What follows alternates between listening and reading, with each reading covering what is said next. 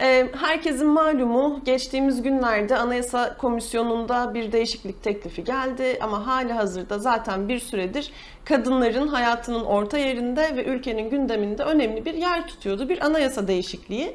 E, iki maddenin değişiklik önerisi geldi e, Cumhur İttifakı partileri tarafından ve e, biz de bu programda arkadaşım avukat Gamze Gökoğlu ve ben avukat Elif Ergin olarak bu konuyu bir de kadınlar cephesinden bir değerlendirelim istedik. Ama konuşmaya ve sohbete başlamadan önce bakalım hangi maddeler değiştirilmek isteniyormuş ve hangi e, cümleleri değiştirilecek, ne gibi değişiklikler yapmak isteniyor. E, önce bir bununla ilgili hazırladığımız kısa bir e, videomuzu, VTR'mizi izleyelim. Onun ardından sohbetimize başlayalım. İktidar partileri 9 Aralık tarihinde meclis başkanlığına bir süredir gündemi meşgul eden anayasa değişikliği teklifini sundu. Teklifin referanduma götürülmesi için 360, referandumsuz kabul edilmesi için de 400 milletvekilinin kabul etmesi gerekiyor. Ancak Cumhur İttifakı'nın 360'a ulaşamaması nedeniyle muhalefet partilerinin tavrı belirleyici olacak. 24. ve 41. maddede nasıl değişiklikler yapılıyor? Anayasanın 24. maddesi şu şekilde. Herkes vicdan, dini inanç ve kanaat hürriyetine sahiptir. 14. madde hükümlerine aykırı olmamak şartıyla ibadet, dini ayin ve törenler serbesttir. Kimse ibadete, dini ayin ve törenlere katılmaya, dini inanç ve kanaatlerini açıklamaya zorlanamaz. Dini inanç ve kanaatlerinden dolayı kınanamaz ve suçlanamaz. Din ve ahlak eğitim ve öğretimi devletin gözetim ve denetimi altında yapılır. Din kültürü ve ahlak öğretimi ilk ve orta öğretim kurumlarında okutulan zorunlu dersler arasında yer alır.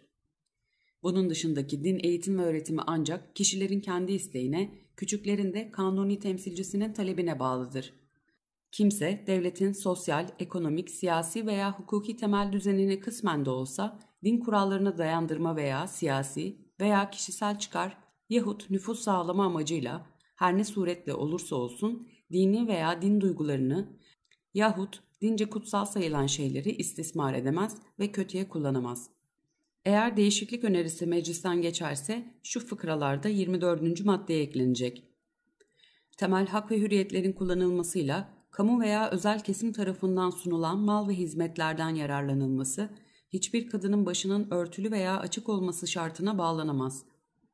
Hiçbir kadın dini inancı sebebiyle başını örtmesi ve tercih ettiği kıyafetinden dolayı eğitim, öğrenim, çalışma, seçme, seçilme, siyasi faaliyette bulunma, kamu hizmetlerine girmeyle diğer herhangi bir temel hak ve hürriyeti kullanmaktan ya da kamu veya özel kesim tarafından sunulan mal ve hizmetlerden yararlanmaktan hiçbir surette yoksun bırakılamaz. Bu nedenle kınanamaz, suçlanamaz ve herhangi bir ayrımcılığa tabi tutulamaz. Alınan veya verilen bir hizmetin gereği olan kıyafet söz konusu olduğunda devlet ancak dini inancı sebebiyle kadının başını örtmesini ve tercih ettiği kıyafetini hiçbir surette engellememek şartıyla gerekli tedbirleri alabilir. Anayasanın ailenin korunması ve çocuk hakları maddesi yani 41. maddesinin şimdiki hali şu şekilde. Ailenin korunması ve çocuk hakları madde 41. Aile Türk toplumunun temelidir ve eşler arasında eşitliğe dayanır. Devlet ailenin huzur ve refahıyla özellikle ananın ve çocukların korunması ve aile planlamasının öğretimiyle uygulanmasını sağlamak için gerekli tedbirleri alır, teşkilatı kurar. Her çocuk korunma ve bakımdan yararlanma, yüksek yararına açıkça aykırı olmadıkça ana ve babasıyla kişisel ve doğrudan ilişki kurma ve sürdürme hakkına sahiptir. Devlet her türlü istismara ve şiddete karşı çocukları koruyucu tedbirleri alır. Anayasanın ailenin korunması ve çocuk hakları maddesi yapılan değişiklik önerisiyle ailenin korunması, evlilik birliği ve çocuk hakları şeklinde değiştirilmek isteniyor. İlk fıkrada şu şekilde değişiyor. Aile Türk toplumunun temelidir. Evlilik birliği ancak kadınla erkeğin evlenmesiyle kurulabilir ve eşler arasında eşitliğe dayanır. Devlet ailenin huzur ve refahıyla özellikle ananın ve çocukların korunması ve aile planlamasının öğretimiyle uygulanmasını sağlamak için gerekli tedbirleri alır, teşkilatı kurar. Ne gerekçeyle bu maddeler bizim önümüze sunuldu diye baktığımızda 24. maddeye ilişkin gerekçeyi şöyle tarif ediyorlar. Yani kadınlar çok uzun zamandır geçmişte başörtülerinden dolayı üniversitelere gidemediler. Kamu hizmetlerinden veya sağlık hizmetlerinden faydalanamadılar. E, şu an böyle bir sorun her ne kadar olmasa da biz bunun gelecekte yaşamamasının teminatını vermek ve bir inanç özgürlüğü temeli oluşturmak amacıyla böyle bir düzenleme yapıyoruz diye söylenerek bir, bu yasa teklifi geliyor anayasa üzerinde değişiklik yapılmasına ilişkin. E, detayına baktığımız zaman bu gerçekten bir inanç özgürlüğü sağlıyor mu? Şimdi böyle bir gerekçeyle sunulduğu için tabii ki bizim bakmamız gereken yer bu. Ee, ve bizim sunulan gerekçeden anladığımız sanki inanç özgürlüğü sadece inanan veya inancı gereği başını örten kişiler için sağlanması gereken bir özgürlük alanıymış da o yüzden böyle bir düzenlemenin yapılması gerekiyormuş gibi sunuluyor ama inanç özgürlüğü gerçekten bu mudur? Yani inanç özgürlüğü e, anayasadaki düzenlemeye baktığımızda ya da genel olarak baktığımızda e, inanç özgürlüğünün inanan, inanmayan ya da e, belli bir dine mensup olan ya da olmayan, başka bir din seçme özgürlüğü olan e, bir düzenleme olması gerekiyor. Dolayısıyla bunun hepsini toplumda inanan ve inanmayan herkesi ya da e, din gereği başını örten veya örtmeyen kişilerin hepsini kapsayan bir düzenlemesi olması gerekiyor. Ama baktığımız zaman sadece inanan ve bu inancı gereği başını örtmek Ki zaten isteyen. burada da sanki böyle bir e, Ali Cengiz oyunu varmış gibi de bir durum var bana kalırsa Gamze. Çünkü hani sen de söyledin ya yani mesela zaten hani bugün yürürlükte olan anayasada e, 10. maddesi ya da işte çeşitli e, eşitlik ve belirli işte hakların her kimse açısından işte ayrımcılığa uğrayamayacağı yönünde olan işte bir takım aslında temel ee, yani evrensel insan hakları bildirgesinden bile hani düşünsek Avrupa İnsan Hakları Sözleşmelerine şuna buna dayanılarak da aslında ele alınmış aslında anayasada maddeler var. E şimdi hal böyleyken e, ve aynı zamanda da İktidar partisinin kendisi de aslında yani komisyon görüşmelerini takip etmişsindir sen de yaşanan tartışmaları vesaire e, geçtiğimiz günlerde. Şimdi orada şöyle deniliyor ya başörtüsü sorunu var mı? Yok. Ee, peki başörtülü olmayı seçen e, vatandaşların, yurttaşların bugün devlet dairelerinde veya kamusal e, hizmet alanlarında yaşadığı bir sorun var mı? Hayır yok, biz çözdük. E, madem böyle bir problem yoksa neden anayasada böyle bir değişiklik önerisi var? Açıkçası çok da e, an, yani buradan bakınca sorun var mı yok vesaire ama değişiklik öneriyoruz. Ama senin de söylediğin gibi yani anayasada zaten e, eşitliği tüm yurttaşların e, eşitliğini e, garanti altına alan temel işte bir takım maddeler var. E, şimdi çok fazla hani yasa maddesine de boğmaya bence gerek yok. Hani şu maddede şu deniyor falan gibi ama yok bunlar var aslında. Hani biraz oraya dair sen ne düşünüyorsun? Ben onu merak ediyorum. O konuda da şöyle şimdi önümüzde bir seçim süreci var ve bu seçim sürecine giderken aslında konuşulması gereken bir sürü konu var. Çünkü e, ülkenin ekonomik olarak geldiği durum, yaşanan işsizlik, yoksulluk, e, bu anayasa tartışması önümüze gelmeden önce çok sıcağı sıcağına konuştuğumuz bir çocuk istismarı mevzu, çocukların eğitimden faydalanamaması ya da eğitim sürecinde çocukların sağlıklı beslenememeleri, kadına yönelik şiddet, yine aynı şekilde kadın cinayetleri. Yani bu zamana kadar seçim süresi boyunca da konuşmamız gereken ve çözülmesi gereken o kadar mevzu var ki e, bunlar ortada dururken neden şu an çözüldüğü iddia, söylenilen e, bir mevzu yeniden konuşuluyor ve seçim sürecine giderken tartışılması gereken tek gündem buymuş gibi önümüze sunuluyor. Bu da tabii ki bizim düşünmemize ve sorgulamamıza sebep oluyor. Baktığımız zaman aslında e, eşitliğe yani her ne kadar eşitlik için getirildiği söylenilse de yapılan düzenlemeyle eşitliğin bozulduğu ve hatta belki de toplumda yeniden ayrışmaya neden olacağı. Çünkü şu an bu gündemin çözüldüğü e, hani sokakta da herhangi bir e, kadına sorduğumuzda hani başının örtülü olması sebebiyle herhangi bir eğitim, sağlık veya kamusal hizmetten faydalanamadığına yönelik bir şey var mı diye sorduğumuzda e, böyle bir sorunun olmadığını söyler. Nitekim yapılan çeşitli röportajlar ve yazılar var. Bunlarda da öyle bir sorunun olmadığını insanların daha işsizlik, yoksulluk vesaire gibi sorunlardan daha çok bahsettiğini görüyoruz. Ama bu böyle bir şeye rağmen bu yeniden gündeme getirilerek sanki yeniden e, hani e, kapalı başını örten, örtmeyen kadın vesaire bunun tartışılarak toplumda da yeniden bir ayrışmaya e, zemin oluşturuluyor e, diye düşünüyorum. bana kalırsa kadınlar e, yani hem bunca hak gaspının, bunca e, hayati güvencelerinin olmadığı koşullarda yaşandığını düşünürsek, yani kadınların böyle koşullarda yaşadığını düşünürsek ben bir yandan da aslında iktidarın kadınları yoksullukta e, ve sefalet koşullarında birleştirdiğini ee, ve yani bu buralardan yola çıkarak da insanca yaşamak isteyen, şiddetsiz bir e, yaşam sürdürmek isteyen hani kadınlar açısından da aslında bunlar artık mücadeleyle sokaklarda kadınların mücadelesiyle de kendi aralarında bir ayrım olmayı çoktan çıkarmış olduğu için kadınlar bana kalırsa yani böyle bir şey de var, böyle bir tarafı da var. Ee, ama biraz burada ben şöyle bir şey görüyorum. Yani bu sadece bana kalırsa ya işte e, seçimlere de işte kısa bir süre kaldı, işte bir sürü tantana vesaire dönüyor. Bu çoğu kadının e, gündelik hayatı açısından da aslında bir yere denk düşmüyor bu tartışmalar. Ne ki yani televizyon programlarında yani birbirine sürekli bağıran, e, sert, yüksek sesle konuşan ama e, kadınların hayatındaki problemler işte ne bileyim e, buralarda yaşadıkları sorunlardan bahsetmeyen ve etkide de bulunmayan işte bir takım tartışmalar sürdürülüyor. Ama anayasa değişikliğine dair bu öneri bence sadece e, seçim gündemine dönük ben gelmediğini düşünüyorum. Çünkü şöyle bir 20 yıla baktığımızda ya aslında böyle belli yollar öyle diyeyim yani bu değişikliğe gelen yollar öyle adımlarla yürünmüş ki yani izleyicilerimiz de mutlaka hatırlayacaklardır.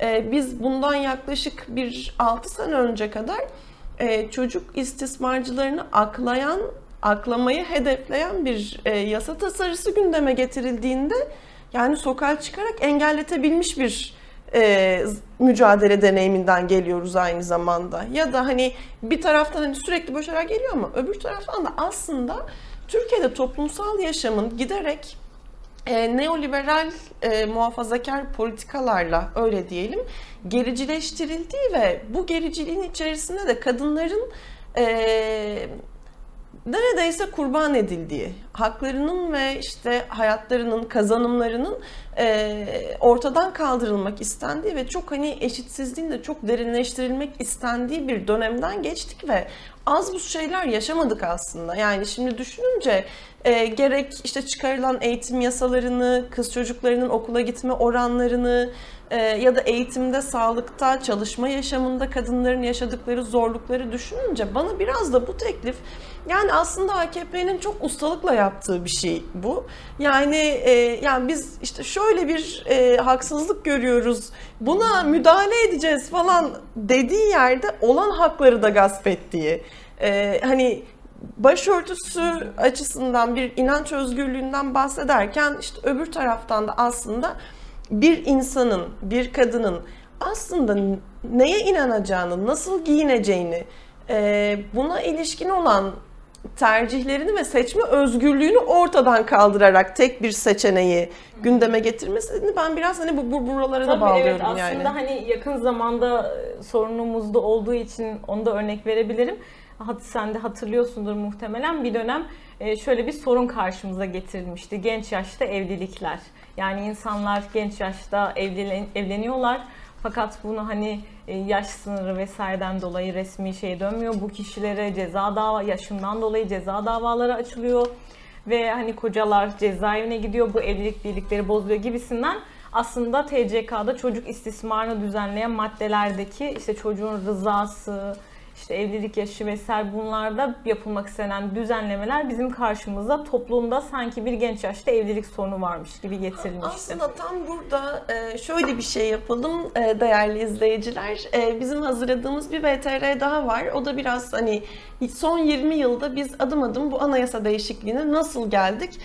Aslında biraz buraları anlatmaya çalıştığımız bir VTR hazırlamıştık. Onu izleyelim. Ondan sonra sohbetimize devam edelim. AKP'nin bugüne kadar yaptıkları, önerilen anayasa değişikliği maddelerinin TBMM'den veya referandumdan geçtiği takdirde yaşayacaklarımızın göstergesi oldu. AKP'nin cinsiyetler arasındaki ayrımcılığı derinleştiren ve ataerkil tahakkümü artıran politikalarını özellikle 2011 yılından sonra adım adım hayata geçirdiğini gördük. 2010 yılında dönemin Başbakanı Tayyip Erdoğan'ın Dolmabahçe'de kadın kurumları ile yaptığı demokratik açılım toplantısında ben kadın ve erkek eşitliğine inanmıyorum. Onun için fırsat eşitliği demeyi tercih ediyorum sözü. AKP iktidarının cinsiyet politikalarında stratejik bir planın temel vurgusu niteliğindeydi. Kadın ve aileden sorumlu devlet başkanlığından kadın sözcüğü çıkartıldı ve bakanlığın adı Aile ve Sosyal Politikalar Bakanlığı'na dönüştürüldü. Başbakan Erdoğan'ın 2012 yılındaki her kürtaj bir Uludere'dir sözüyle kürtaj karşıtı devlet politikaları devreye girdi. Yasal olarak kürtaj yasaklanmamış olsa da fiili olarak yasağa dönüştürüldü. 2013 yılında basında kızlı erkekli evler adıyla yer verilen evlere baskınlar yapıldı. Aynı dönemde evlenen öğrencilere kredi imkanı ve harç kredilerinde indirim sağlanarak gençlerin evlenmesi ve çok çocuk yapılması teşvik edildi. 2014 yılında kadınların miras haklarına doğrudan müdahale edilerek tarım arazilerinin ehil çocuğa yani fiiliyatta erkek çocuğa bırakılmasına yönelik yasa çıkarıldı. 2015 yılında resmi nikah olmaksızın dini nikah yapılması suç olmaktan çıkartıldı. 2016 yılında AKP hükümeti cebir, tehdit, hile veya iradeyi sakatlayan başka bir neden olmaksızın 16 Kasım 2016 tarihine kadar işlenen cinsel istismar suçunda mağdurla failin evlenmesi durumunda koşullarına bakılmaksızın hükmün açıklanmasının geri bırakılmasına, hüküm verilmişse cezanın infazının ertelenmesine karar verilir, hükmünün eklenmesini meclise öneri olarak sundu. Yaygın tepki sonucunda bu tasarı geri çekildi. Aralık 2016'da 12 yaş ve altındaki çocuklara karşı işlenen suçlarda en üst sınırdan ceza verileceği belirtildi 103. maddenin 15 yaşını tamamlamamış her çocuğa karşı gerçekleştirilen her türlü cinsel davranışın cinsel istismar sayılacağına ilişkin hükmü iptal edildi. Bu durum 12 yaşından büyük çocuklara cinsel istismarda cezasızlık için rıza kavramına başvurulabilmesinin yolunu açtı. Ekim 2017'de Nüfus Hizmetleri Kanunu'nda yapılan değişikliklerle sağlık personellerinin takibi dışında doğmuş çocukların bildiriminde sözlü beyan yeterli kılındı. Aynı değişiklikle müftülüklere resmi nikah kıyma yetkisi verildi. AKP hükümeti cinsiyet politikalarını ağırlıklı olarak devlet düzeyinde Aile ve Sosyal Politikalar Bakanlığı, Diyanet İşleri Başkanlığı ve Milli Eğitim Bakanlığı arasındaki işbirliği aracılığıyla uygulamaya koydu. 2003 yılında il müftülükleri içinde Aile Bürosu adıyla kurulan kurumlar 2007 yılında Aile, İrşat ve Rehberlik Bürosu adıyla çalışmaya başladı Cinsiyet eşitliğine karşı AKP Başkanı ve Cumhurbaşkanı Erdoğan 2016 yılında çalışıyorum diye annelikten imtina eden bir kadın aslında kadınlığını inkar ediyor demektir. Anneliği reddeden, evini çekip çevirmekten vazgeçen bir kadın iş dünyasında istediği kadar başarılı olsun, özgünlüğünü kaybetme tehlikesiyle karşı karşıyadır, eksiktir, yarımdır diyerek kadınları marjinalleştirmeye çalıştı. Kadın ve LGBTİ haklarına yapılan saldırıların OHAL ilanıyla daha da arttığı 2016 yılından sonra özellikle cinsel ve cinsiyetçi şiddete ve yasaklara her zaman tepki gösteren, direnç odağı olan bu kesimlerin hedefe konması bilinçli bir stratejinin sonucu olduğunu gösterdi. Nitekim kadına yönelik şiddete ilişkin davalar bu cinsiyetçi ayrımcı politikalara ve söylemlere paralel olarak ya ciddi ceza indirimi ya da cezasızlıkla sonuçlanmış ve bu da şiddetin önlenmesine ilişkin yasal yaptırımların etkisini ciddi şekilde azaltan bir rol oynamıştır. 20 Mart 2021 tarihinde cinsel, fiziksel her türlü şiddete karşı ciddi yasal ve kurumsal önlemler alınmasını devletleri yükümlülük olarak getiren İstanbul Sözleşmesi'nden çıkıldığına dair Cumhurbaşkanlığı kararnamesinin resmi gazetede yayımlanması, AKP'nin kadınlarla ilgili ileri sürdüğü koruma, geliştirme, güçlendirme iddiası içeren bütün vaatlerinin uluslararası ve iç hukuk bakımından en büyük hukuksal dayanağının ortadan kaldırılması sonucunu getirdi. Ee, tabii sadece mevzu e, anayasa değişikliği işte yanlıştır, antidemokratik yollarla gündemimize gelmiştir ve benzeri gibi bir yerden değil. Aynı zamanda bütün kadınların yani neye inanıyor olursa olsun, neyi giymeyi tercih ediyor olursa olsun, ister başörtülü olmayı tercih ediyor, ister e, başka bir dine inanmayı ya da inanmamayı tercih eden hiç fark etmeksizin bütün kadınların aslında anlaması gereken şöyle bir durum var. Karşımızda kadın düşmanı bir politika sürdüren bir iktidar görüyoruz ve kendi zayıflıklarını da ya da kendi yaşadığı bir takım aşınmaları da yeniden yeniden geçmişte kalmış, çözülmüş bir takım sorunları sanki çözülmemiş gibi, sanki kadınların hayatında problem olmaya devam ediyormuş gibi gündeme getirerek kendi iktidarını sürdürebilmenin dayanağı haline getirmek istiyor. Aslında kadınlar şuna karar vermek zorundalar ya da şunu düşünmek zorundalar. Öyle söyleyelim. 20 yılın geldiği noktada bunca yoksulluğun, bunca eşitsizliğin, bunca şiddetin ortasında bu eşitsizliğin derinleşmesi için iktidarın kadın düşmanı politikalarına eşitlik ve özgürlük diye e, süsledikleri bu yasa tekliflerine kanmayı mı tercih edecekler? Edeceğiz. Yoksa şiddetsiz ve eşit bir e, yaşam açısından mevzunun inanç özgürlüğünü, e, kişinin kendi işte düşünce ve ifade özgürlüğünü garantörü olmayı mı e, herkes için devletin eşit mesafede e, kalan bir yerde olmasını mı tercih edeceğiz ve bunun için mi mücadele vereceğiz? Bence burada önemli bir ayrım var. Çünkü artık hani her kadın şunu biliyor ve bence tek adamlara veya adamlar tarafından hazırlanmış. Bu kadar çok kadın kadın kadın denilerek gündeme getirilmiş ama bir tane bir mahallede, bir belediyede, bir yerde bir tane kadına da ya ne düşünüyorsun bu konu hakkında diye sorulmadan bu kadar gündem haline getirilmiş üstelik bir durumda. Bence şunu bütün kadınlar bilmeli ve hatırlamalı diye düşünüyorum ben.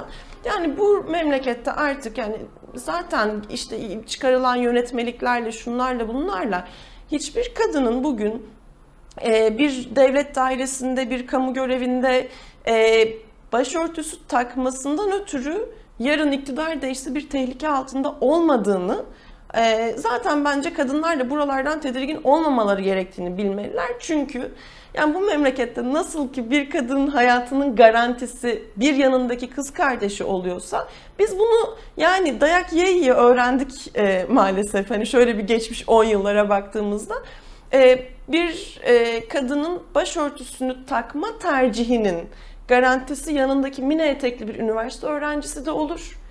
O üniversite öğrencisinin mini eteğiyle şiddetsiz ve tacize uğramadan bir yolda yürüyebilmesinin garantisi de başörtülü başka bir kadın olur. Yani biz bunları böyle açtık çünkü. O yüzden kadınlar bir tedirginlik duyan varsa ya da bu tedirginliği kadınlar kadınlar deyip de kadınları elinin tersiyle bir kenara atıp mecliste bağır çağır kavga edip hani kendi iktidarlarına dayanak yapmaya çalışanlardan bence tedirgin olmalılar. Gerisini biz çözeriz diye düşünüyorum bugüne kadar çözdüğümüz gibi. Ama yani biraz tabii bu buradan yola çıkarak da aslında Sadece çünkü değişiklikte 24. madde değil burada tartışılan bir de bir aile yani VTR'lerde evet. de izledik. Bir de bir evet. 41. madde durumu var önümüzde. Biraz da oraları konuşalım. Ee, evet VTR'lerde de geçti. Aslında e, bu zamana kadar e, kadına yönelik yapılacak birçok hakkımıza dair yapılacak düzenlemelerde hep bir aile mevhumu ortaya atıldı ve işte hani biz şöyle bir düzenleme getiriyoruz çünkü aileyi korumak istiyoruz diye yapılan bütün düzenlemeler hep aileyi korumak üzerine yapıldığından bahsedildi ve şimdi yine e, ailenin korunmak istendiği belirtiliyor ve e, 41. maddede bir değişiklik yapılmak isteniyor ve burada e, 41. maddeye ara bir cümle ekleyerek e, evlilik birliğinin bir kadın ve erkek arasında kurulacağına dair bir e, değişiklik yapılmak isteniyor. Aslında maddeye metin olarak baktığımızda şimdi bir güçlendirmeden söz ediliyor ama metin olarak güçlendirici bir metin değil aksine kadın ve erkek olarak belirterek daraltıcı yani bir aile e, sadece bir kadın ve erkeğin evliliğinden oluşan bir kurumdur e, diye daraltıcı da bir aslında hüküm ve aslında e, anayasa hani temel haklarımızı bir güvence altına alan bir metin olması gerekirken bir bu maddeyi de bir koruma maddesi olmaktan çıkarıp aksine bir sınırlama maddesini çünkü aile bir kadın ve bir erkeğin evlenmesiyle oluşur diye bir sınırlama maddesi haline e, getiriyor. Bu da yine biraz önce bahsettiğimiz şekilde eşitliğe aykırı olduğu gibi e, bunun çok önemli yanlarından birisi de e, LGBT'ye karşı bir düzenleme olması ve çok uzun zamandır süre gelen düzenlemelerde LGBT'ye karşı nefret ortamının yaratılması ve onların birçok hakkının e, gaz toplumda ayrımcılığa ayrımcılık yaşamaya sebep olmaları ve dediğim gibi e, LGBT'ye karşı oluşturulan nefret zeminine bir de anayasal düzlem aslında oluşturmuş oluyorlar bu madde düzenlemesiyle birlikte. E, bunun gerekçesine de kendi yaptıkları bu teklif gerekçesine de işte ailenin e, işte her türlü çürüme ve sapkınlıktan korunması lazımdır diye bir madde İnsanın koymuşlar. da aklına şu geliveriyor yani 6 yaşında bir e, kız çocuğunun bir e, ne bir tarikat müridine itildiği bir yerde bunu soruşturmayan işte etkin soruşturma kovuşturma yürütmeyen bütün adli merciler hani gözlerini kapatmışken e, sahte sağlık raporları düzenlenirken neredeydi o Devlet zaman? Bu o bu sağduyu bu e, kız çocuklarını, bu aileyi, e, onun sağlığını, onun iyiliğini gözeten bunca dikkat ve özen yani onlarca çocuk çocuk istismarına uğrar da dosyaların üstü kapatılırken mecliste araştırma tekliflerine hayır denirken neredeydi bu sağduyu da birden pat diye 41. maddeyle bizim önümüze geliverdi. Bence bunu e, sokaktaki her bir e, yurttaşın, vatandaşın da ben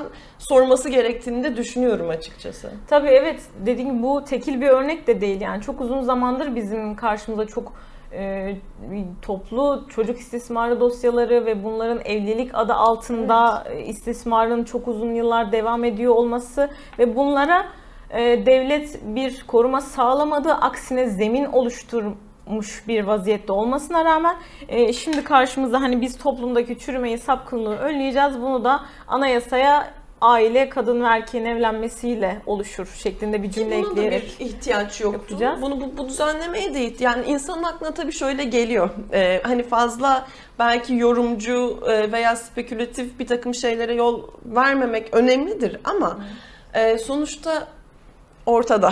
yani e, 20 yıldır adım adım geldiğimiz yer ortada. Kadınların e, medeni haklarının yani bugün kazanım olarak saydığımız e, nafakadan tutalım, boşanma vesaire gibi hatta yeni de bir takım değişikliklerin de hani yakın dönemde yapıldığı bir takım yerlerde.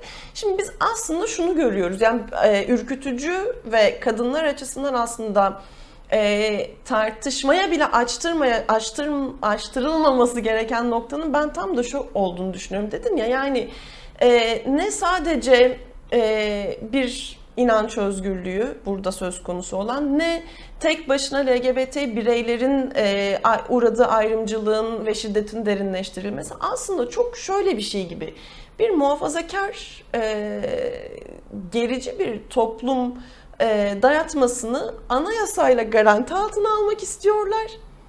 Ve bir yani anayasa çünkü temel bir metindir ya. Yani temel, her şeyi düzenlemesi gerekmeyen temel bir metindir.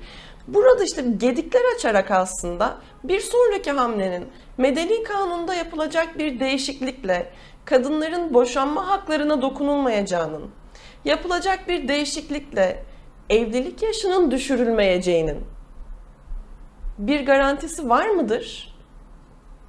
Ben olmadığını düşünüyorum. Evet. Bu değişiklik kadınların e, mücadelesi ve gücüyle ya, sadece kadınlarda değil e, tabii ki ama başta kadınların mücadelesiyle, karşı çıkmasıyla, tartıştırmaya bile açmamasıyla geri çekilmediği sürece ve farzı misal diyelim komisyondan geçtiğini, meclisin önüne değişiklik önerisiyle geldiğini vesaire düşündüğümüzde kadınların medeni kanundaki yazılı bütün haklarının e, ben gasp tehdidiyle karşı karşıya olacağını düşünüyorum. Ha, hani desen ki adliye koridorlarında, duruşma salonlarında biz neler yaşıyoruz? Boşanma davalarında ya da işte e, ceza davalarında nelerle karşılaşıyoruz ama hiç değilse şunu söyleyebilme e, gücümüz var değil mi? Ya şu Kanunda maddede şu var. Hak yani hukuka aykırı Aha. hareket ediyorsunuz diyebilme e, seçeneğinin de gücünün de zemininin daha doğrusu ortadan kalkabileceği çok karanlık bir tabloya işaret Tabii ediyor şu an aslında. hani e, mesela işte kadına yönelik şiddette en büyük dayanaklarımızdan birisi İstanbul Sözleşmesi'ydi ve bir şekilde öncelikle bunu tartışmaya açaraktan bu bizim toplumumuzla uymuyor bu sözleşmenin maddeleri diyerekten tartışmayı açaraktan iptaline kadar giden bir süreç böyle ilmek ilmek işlendi. Şimdi de e, senin dediğin gibi yani anayasa temel hakları düzenleyen genel bir metindir ve ama burada işte e, inanç özgürlüğü düzenlemesi yapılırken dediğim gibi toplumun tüm kesimini içine alan bir düzenleme yapılması gerekirken şimdi kadınlara yönelik ve belli bir dine inanıp o şekilde giyinen kadınlara yönelik sadece bir düzenleme yaparak hem işte cinsiyetçi hem eşitliğe aykırı hem inanç özgürlüğüne layıklığa aykırı aslında anayasanın ruhuyla hiçbir şekilde bağdaşlaşmayacak bir düzenlemeyi anayasaya getiriyor. Yine evlilik birliğiyle ilgili LGBT bireylere karşı nefret suçunu oluşturacak bir zemini anayasal zemin olarak önümüze koyuyor. Bütün bunları e, önümüze koyarken de daha muhafazakar bir aslında yapı e, da bize sunuyor ve toplumda makul olanın o, şu an olanın o olduğunu da belirtiyor. Senin dediğin gibi buradan açılan gedikle nasıl ki sözleşmenin iptaline kadar geçen süreç işlendiyse buradan açılan gedikle de ileride e, medeni kanunda kadının haklarına yönelik düzenlemelerde veya ceza dahası, hukukunda hatta dahası e, baş örtüsü takmayı tercih eden bir kadına da hayır bunu böyle Evet. takamazsın böyle takacaksın. Yani nasıl e, takması bugün gerektiğinin de sınırını. Yani bugün böyle deyip yarın Evet. e, seninki de yeterli değil. Takıyorsun ama yeterli değil. Daha fazla benim söylediğim ki şekilde bu takman nasıl ki gerekecek Mahsa şeyi. Amini'nin e, öldürülmesine Tabii, bugün yol kadınlar açtıysa ve İran'da şimdi İran'da onun kadınlar bunun mücadelesini- mücadelesini veriyorsa Evet. dediğin gibi aynen. Ee, aslında biraz e, yani değişiklikler açısından çok e, tartışma kaldırır da bir konu. Yani zaten sen de takip ediyorsundur. Bir sürü tabii ki e, deneyimli ve yetkin anayasa hukukçuları da işte çeşitli şimdi programlarda e, tartışıyorlar. Çe- çeşitli işte makaleler, yazılar vesaire yayınlanıyor. E, ama e, tabii bizim programımız hani buradaki sohbetimiz biraz daha kadınlar e, ne ne yapmalı? Bence biraz bu bu kısmını da konuşmamız gerek. Yani hatta en önemli tarafın ben burası olduğunu düşünüyorum. Çünkü e, doğrudan hani şöyle bir tablo olduğu için önümüzde maalesef. Yani bugüne kadar bu kadar hukuksuz hareket eden, hiçbir yerde e, hukuku tanımayan, ha şimdi mesela erken seçim tartışmaları yapılıyor. Cumhurbaşkanlığına iki kere aday olunabilir mi? İşte üçüncüye aday olamaz. Yo olabilir aslında falan gibi. Yani kendi yaptığı yasa değişikliklerini bile e, tanımayan derecede bir hukuksuz e, iktidardan bahsederken yani ne oldu da birden e, inanç özgürlüğü vesaire işte 24. ve 41. madde işte insan haklarını uygun hale getireceğiz falan hukukçu kesilerek hani e, ortalığa dökülü verdiler hani bunlar hani konuştuğumuz şeyler belki ama şimdi burada aslında kadınlara açılmış olan o cehennem var ya hani senin de bahsettiğin yani hem e, yaşamın içerisinde uğranılan eşitsizlik, baskı, ekonomik krizin getirmiş olduğu zorluklar.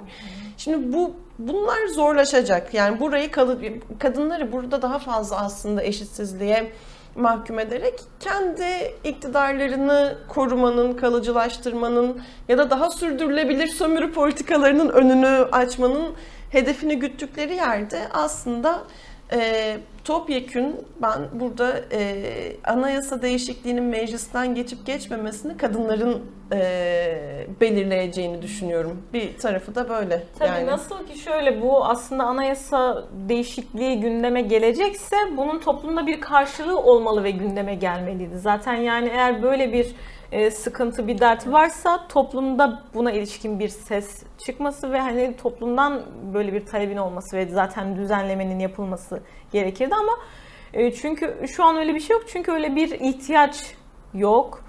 E, böyle bir düzenleme getirildi ama hani e, dediğin gibi şu an ihtiyacımız olan bu değil, bizim başka taleplerimiz var e, diyerek e, senin söylediğin gibi aslında şu an mesela anayasa değişikliği tartışırken işte şu kadar e, milletvekilinin işte 400'ü geçerse direkt kabul edilecek, 360'ı geçerse halk oylamasına gidecek falan filan ama o tartışmalardan öte toplumda böyle bir şeye ihtiyaç var mı? Kadınların böyle bir Tabii ihtiyacı ki. var Hatta mı? Yani e, mesela bir öğün yemek hakkı kampanyamız. Şimdi Evet. öyle düşündüğümüzde bu yani bu kadar çocuk açlığının olduğu, rakamların ortaya döküldüğü, kadınların bas bas her yerde ben çocuğumu okula aç gönderiyorum, aç göndermek zorunda kalıyorum dediği yerde yürütüm, yürütmüş olduğumuz ülkenin dört bir tarafına yayılan imza kampanyası olmasaydı hangi e, hangi mecliste Evet. geçecekti? Geçecek, E, Kreş tabii. hani ilkokul öncesi işte kademeli de olsa çocuklara ücretsiz bir öğün yemek sağlanması. Çünkü Bunu toplumsal bir gerçekliği, bir Evet. sorun var.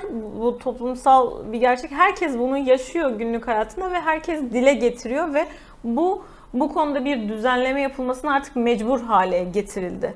Ee, şu anda da de, senin söylediğin gibi böyle bir talep olsa bu zaten dile getirilirdi. Bizim şu an ihtiyacımız olan gerçek eşitliği. İnanç özgürlüğü ise gerçek bir inanç özgürlüğüne, eşitliği, laikliği e, böyle bir zemini oluşturmak. Dolayısıyla da bu anayasa değişiklikleri sürecinde de bizim gerçek talebimiz olan bu eşitliği, sahip olmamız gereken özgürlükleri bunu dile getirerek bir düzenleme yapılacaksa buna ilişkin bir düzenleme yapılması baskısı yapılmalı ve tabii ki meclise düşen veya diğer muhalefet partilere düşen de e, madem bizim görevimiz toplumda bunu dile getirmekse onların da mecliste sorumluluklarıdır. Yani buna amasız fakatsız bir şekilde hayır demeleri de onların sorumluluğundadır diye düşünüyorum.